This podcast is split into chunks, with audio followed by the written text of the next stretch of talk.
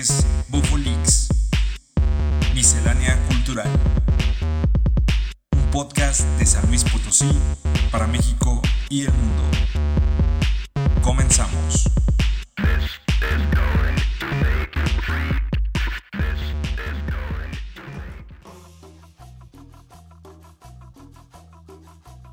¿Qué tal? ¿Cómo están? Mi nombre es Álvaro y les doy la más cordial bienvenida a Bofolix. Y bueno, para estrenar este podcast, eh, que es un canal dedicado a diferentes temas, hecho desde San Luis Potosí, para México y el mundo. El primer episodio lo he titulado Buscando chamba. Como muchos de ustedes saben, yo estoy buscando trabajo en estos momentos. Eh, estoy en unas pequeñas vacaciones arreglando lo de mi liquidación del último trabajo. Y pues no me he quedado tampoco sentado ni acostado, sí he ido a buscar trabajo. Y bueno, voy a dar un contexto de la situación laboral en San Luis Potosí. Está, está cabrón. y también voy a dar algunas recomendaciones para quienes se encuentren buscando trabajo. Bueno, pues como todos ustedes saben, estamos en una situación todavía difícil, eh, todavía delicada. Estamos en semáforo naranja, a punto de, de comenzar la reapertura de varios negocios y empresas y de la normalización de actividades, aunque pues todavía hay muchos comentarios de cifras que se espera, puede esperar un repunte para cuando sea creciente el frío y en fin. Bueno, pues considerando un poco el contexto laboral eh, del Estado, déjenme les digo que en junio del presente año se contaban 22.000 empleos perdidos en todo el estado. Un mes después, a finales de julio, el conto iba a 25.000 empleos, es decir, en un solo mes se perdieron 3.000 empleos en todo el estado. Eh, es, una, es una información crítica, es un dato duro, pero bueno, la fuente de esta eh, información es la Secretaría del Trabajo y Previsión Social en una nota publicada el día 13 de agosto eh, del presente año por el periódico El Universal. No he encontrado fuente más actualizada sobre el contexto laboral y al parecer pues ya empieza a haber varias aperturas de empresas eh, pero bueno, enseguida voy a decir el, contexto actual. No sin antes hacer unas consideraciones que, sobre todo en la zona industrial, que, es donde se concentra la mayoría de, trabajadores de, la ciudad. Déjenme les digo que la situación pues se puso difícil. No sé si ustedes lo sepan, pero pues hubo muchas empresas que descansaron personal personal con enfermedades de alto riesgo, eh, que en caso de contraer COVID pues podrían tener una mortalidad alta. Eh, me refiero a personas con hipertensión, diabetes y obesidad. Bueno, también hay que considerar que hubo otras empresas en las cuales hubo cierres temporales y recorte de personal por baja de producción. Recordemos que en San Luis Potosí hay varios clusters eh, de empresas que se dedican a la fabricación de autopartes para GM, para BMW, para Nissan, etc. Al momento de las plantas eh, automotrices no tener producción por pues, la, misma crisis en, eh, devenida de la pandemia, pues también los clústeres eh, de estas empresas tienen que cerrar, no pueden producir, digamos, algo que no, no van a, darle a, su, a su cliente, ¿no? Como proveedoras también tienen que cerrar, entonces la industria automotriz se vio muy afectada de, esta situación. Y bueno, eh, también hay que considerar que de este personal descansado, algunos recibieron solo un porcentaje del salario, eso es algo, un dato duro y difícil. Eh, no nada más personas, personal descansado, o sea, también personal que siguió laborando, eh, recibieron en algunas empresas una reducción de su, de su salario a, digamos, a justificado por el hecho de, la pandemia. Y pues bueno, eh, estas personas descansadas, las cuales tienen una reducción de sus ingresos, Eh, la misma condición de salud por la que fueron descansadas les impide poder buscar otro trabajo. Y la situación está difícil. Les voy a contar algo. Eh, el ejemplo de un señor, el cual tiene 50 años, trabaja en una empresa de la zona industrial. Y déjenme les cuento que esta persona recibe un 60% de su salario. Esta persona recibe 800 pesos aproximadamente a la semana pero también tiene una deducción de Infonavit de casi 400 pesos. Es decir, solo le quedan 400 pesos para mantener a su familia por semana. Es una situación grave, es una situación crítica eh, y, bueno, eh, la gente que la tiene más difícil ahorita son las personas que tienen estas enfermedades, porque como voy a decir enseguida, eh, en un momento más, es parte de los filtros que se están poniendo en las empresas actualmente. Y bueno, cabe recordar que mm, no todas las personas hacen home office, eso es eh, algo obvio en la zona industrial. Eh, personal de producción es la que se ha visto más afectada y se ha visto más vulnerable a tener este padecer contagios. Pese a las medidas de seguridad, en agosto sumaban 450 casos de COVID positivo, de COVID-19 positivo. Cabe señalar que la mayoría de estos datos eh, fueron asintomáticos o son asintomáticos. La fuente de esta información fue de parte de la Unión de Usuarios de la Zona Industrial, también para el Universal. Y bueno, ya para pasar a noticias más alegres y pues no tan tristes, eh, pues la gente que se encuentra buscando chamba, yo digo que se animen, yo digo que mm, no, no, este, no caigan en depresión, eh, ni, ni se agüiten. Eh, vamos a salir adelante a final de cuentas. Y pues estamos en semáforo naranja. Comienza a haber ya reapertura de varios negocios y de varias fábricas. Y bueno, para continuar voy a dar algunas recomendaciones que considero son importantes al momento de buscar trabajo, sobre todo en estos momentos. Déjenme decirles que la primera recomendación que les tengo es que tengan la seguridad y la confianza cuando vayan a buscar trabajo. La situación es muy difícil todavía, pero tienen que actuar eh, de una manera segura de sí mismos, de sí mismas. Las empresas no le hacen un favor a contratar personal, no le hacen un favor a la gente al contratarlos. Recordemos que estamos rentando nuestra fuerza de trabajo, lo cual representa un esfuerzo físico y mental. O sea, no es algo que nosotros estemos eh, regalando ni, ni estemos dando un servicio por el simple favor de que nos den empleo. Eso es algo que, que tenemos que cambiar en nuestra forma de pensar. Sobre todo porque es un contrato de dos partes, del empleador y de la persona que está siendo empleada. Y bueno, la segunda recomendación que les doy es algo muy importante. Traten de ir, eh, traten de ir en ayunas a las entrevistas, sobre todo si es una empresa de la zona industrial. Y les voy a decir por qué. El proceso generalmente se hace en un día. Puede que después de las entrevistas eh, te lleven al examen médico y lo más importante es que tienes que ir eh, en ayunas para que los niveles de azúcar no salgan tan altos. Recordemos que parte de, las medidas de, digamos, filtro médico hacia las personas que están siendo empleadas es precisamente que no excedan eh, un nivel de azúcar que indique que haya alguna diabetes. Y bueno, traten de dormir bien antes de ir un día antes de ir a la entrevista. está comprobado que desvelarse puede alterar los niveles de la presión arterial, puede subirla, así que descansen bien.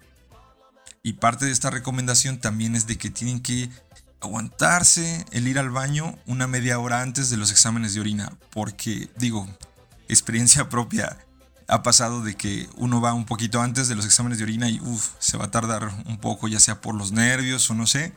Y eh, pues se va a batallar un poco en eso. Así que traten de aguantarse tantito eh, en lo que pasan los exámenes de orina y ya. Casi siempre las empresas hacen los procesos en uno o dos días y eh, se van a ahorrar un día más si siguen estos, estas recomendaciones de ir en ayunas a las entrevistas. Y bueno, eh, otra de las recomendaciones que les doy es que no mientan de su situación de salud en medida de lo posible. Yo sé que la mayoría de personas puede mentir sobre alguna condición, por ejemplo, si tiene familiares diabéticos o hipertensos, porque los filtros en las empresas se han enfocado mucho en eso. Y bueno, les recomiendo que traten de no mentir, eh, sigan su medicación si es que están llevando, eh, se están tratando diabetes, hipertensión, obesidad o cualquier enfermedad crónica. No acepten empleos que no les dan seguro social. Les voy a contar una experiencia que tuve hace poco que estaba dejando solicitudes. Fui a una empresa eh, del ramo comercial que se dedica al entretenimiento. Estaban solicitando guardias de seguridad y se veía la paga buena. Me sorprendí que no tenían seguro social. Eso, eso es algo inaudito en estos momentos, pero no tenían seguro social. La promesa era ponerlo de 15 días a un mes, pero todas las personas que ya estaban laborando no tenían seguro social.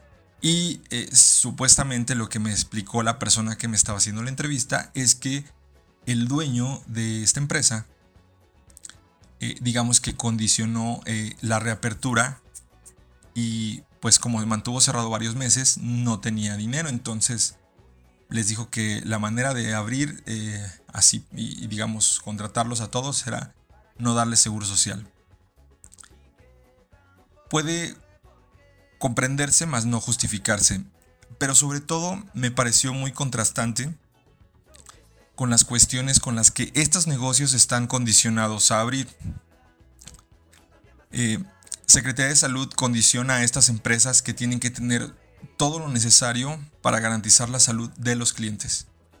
Y eso contrasta con empresas que no dan seguro social a sus empleados, es decir, la salud se va a orientar a los clientes y no a los empleados. Y me parece que es algo muy equivocado. Si tú encuentras este tipo de empresas, creo que lo más eh, inteligente que puedes hacer es asegurarte, sobre todo si es una empresa en la que tú puedes tener un accidente de trabajo.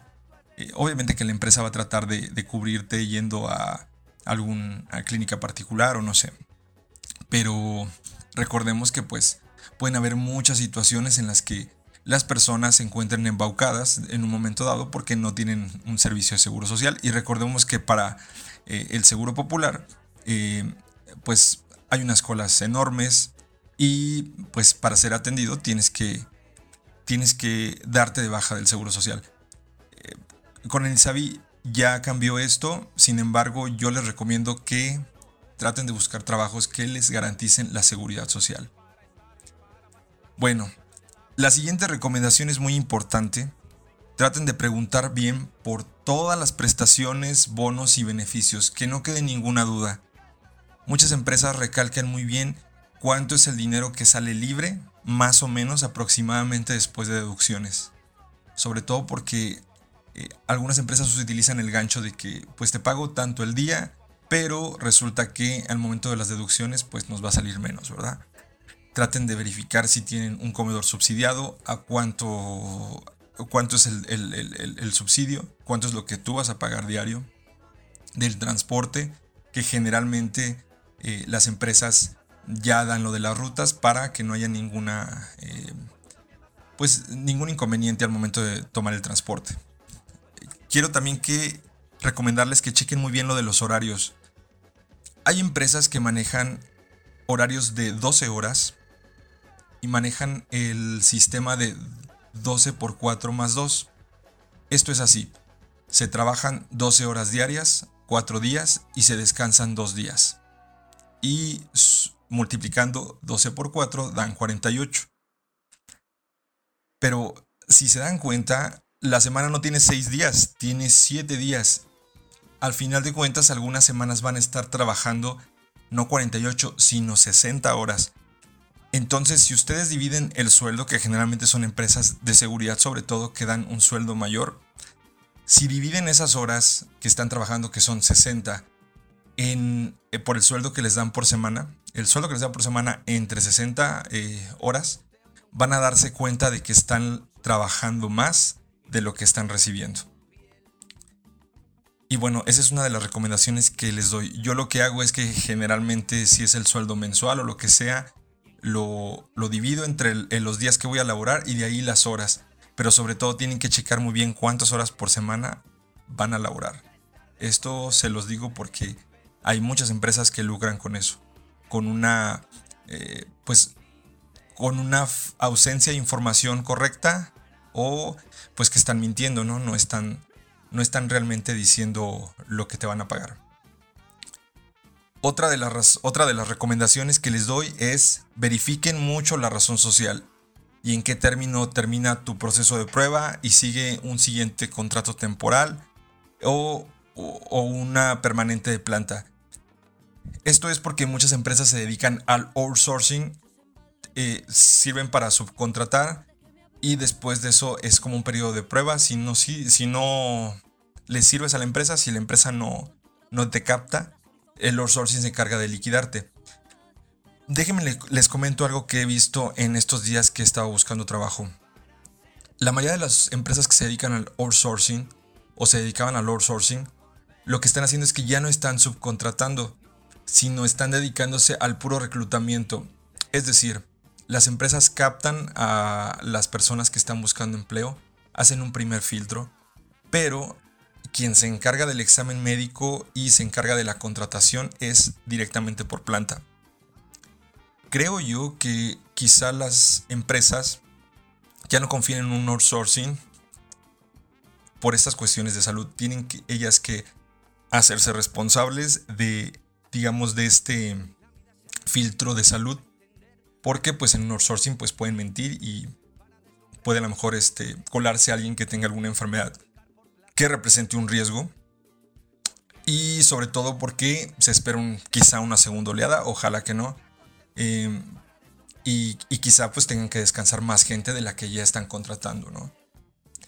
Y bueno, eh, les recomiendo mucho que chequen eso, quién los está contratando, con qué razón social, si es un outsourcing o si es directo por planta, cuál es el periodo de prueba, y es más o menos en cuánto tiempo se da la planta y cuánto suben las prestaciones, porque generalmente una planta eh, va, conjunta con un conjunto de beneficios que no tienes al momento de ser, eh, digamos, reclutado en, primera instancia, ¿no? Algo que también les quiero recomendar es que verifiquen muy bien las rutas, a pesar de que la mayoría de los reclutadores te dan las rutas para que tú cheques eh, cuál es eh, la que pasa por tu colonia, cuál es la que pasa más cerca de tu parada. Muchas de las veces estas rutas eh, pues no están bien establecidas o están dibujadas y están erróneas en cuestión de calles, nombres, etc. Pregunten muy bien eso, no dejen pasar eso. Lo que yo les recomiendo es que la parada más cercana no les quede 20 minutos a más de 20 minutos de su casa. Esto es sobre todo porque en la zona industrial, sobre todo en, el segundo turno, que es de tarde, la mayoría de las empresas, eh, digamos, de los empleados salen 11 y media, 10 y media a 11 y media. Y para personas que lleguen más retirados de esa empresa, pues van a llegar a su casa después de las 12, después de medianoche. Chequen muy bien eso. Recordemos que mm, con cuestiones de desempleo y crisis este, de algún tipo, pues puede crecer la delincuencia. Entonces cuídense mucho y traten de que las paradas les queden lo más cerca posible, eh, que no excedan los 20 minutos caminando a su casa. Y bueno, también otra de las recomendaciones que creo que es algo importante, sobre todo para la gente que consume cannabis, que fuma marihuana, eh, es tanto lo que se ha dicho y es mucho el prejuicio que hay sobre la gente que fuma todavía existe desgraciadamente en la zona industrial esta idea de que una persona que consume cannabis pues no va a rendir o va a ser flojo o es delincuente. Quiero que ustedes este, pues cuiden esa ese detalle. Eh, uno de los datos que encontré eh, precisamente en estas páginas sobre consumo de marihuana, la sustancia activa de la marihuana es el THC, Eh, tarda de salir, eh, varía mucho de cuánto tarda de salir del organismo, pueden ser de 3 a 30 días según el consumo, eh, según el consumo por semana que tengas. Un menor consumo, pues van a ser menos días los que va a salir del organismo. Pero esto puede variar. Ahora, esto va a ser detectado más fácilmente en una prueba de orina. Y todo va a depender de distintos factores. Puede ser el, el propio organismo de la persona que fuma y cuánto es lo que esta persona tarda en eh, naturalmente deshacerse del THC. Yo lo que les recomiendo es que no fumen 15 días antes de la prueba y que traten de hidratarse eh, muy bien. Eso va a contribuir a que el THC salga.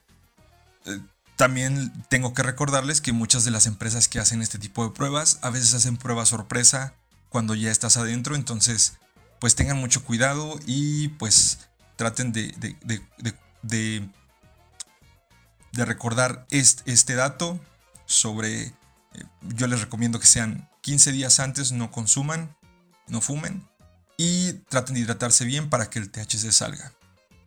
Por último, es algo también que es de suma importancia, es la experiencia laboral. No consideres empleos en los cuales no duraste, duraste un mes, dos meses, o donde no saliste del todo bien. Las empresas se están dedicando además del filtro de salud, también del filtro laboral. No, no están, está reforzándose la idea de que pues tiene que ser una, persona que sea estable en sus trabajos y demás. Bueno, eh, entre menos explicaciones desde tu experiencia laboral, yo creo que tendrás más éxito. Esto se debe a que pues estadísticamente si menos hablas de empleos, habla de que tú has tenido una mayor, eh, digamos, estabilidad laboral. Trata de enfocarte en la entrevista en resaltar tus capacidades y competencias que aprendiste de tus trabajos anteriores. Uno de los mitos que se ha filtrado en las personas que están siendo empleadas es que eh, los, incluso los mismos eh, reclutadores te dicen, es que usted ha tenido faltas, ha tenido incapacidades, lo vamos a checar por el Seguro Social. El Seguro Social no puede dar información confidencial de sus derechohabientes a las empresas. Eh, se supone que no es algo que, lo haga. Muchas de las veces es un, anzuelo para, para que los, las personas que están eh, buscando empleo pues puedan decir, no, pues sí tuve una incapacidad o no. Eh, tengo entendido que hay una, una están prefiriendo personas que no hayan tenido incapacidades, sobre todo este año por cuestiones de la pandemia. Entonces, les recomiendo mucho que eh, traten de, que no le saquen información, de que ustedes digan que se han mantenido sin ninguna incapacidad ni nada. Obviamente que pues no tienen que mentir en su condición si tienen alguna enfermedad crónica, porque esto es muy importante a la hora de que ustedes reciban atención si es que llegan a ser, eh, tener síntomas de COVID. Y bueno, creo que esto es todo por hoy. Quizá me faltó algo. Pienso que eso es un tema muy importante, eh, sobre todo como entre trabajadores tenemos que, ayudarnos, eh, sobre todo porque se vienen tiempos difíciles. Sabemos que el coletazo que da esta pandemia se va a resentir hasta el siguiente año. Y pues yo lo que les quiero reiterar es que tengan mucha confianza, que no se desanimen y que pues salgan a buscar empleo. Eh, si empiezan a haber más empresas, entonces no se desanimen por esa parte. Y bueno, yo me despido, yo soy Álvaro, esto fue Bofolix y pues nos vemos en el próximo episodio. Adiós. Esto fue Bofolix. Hasta pronto.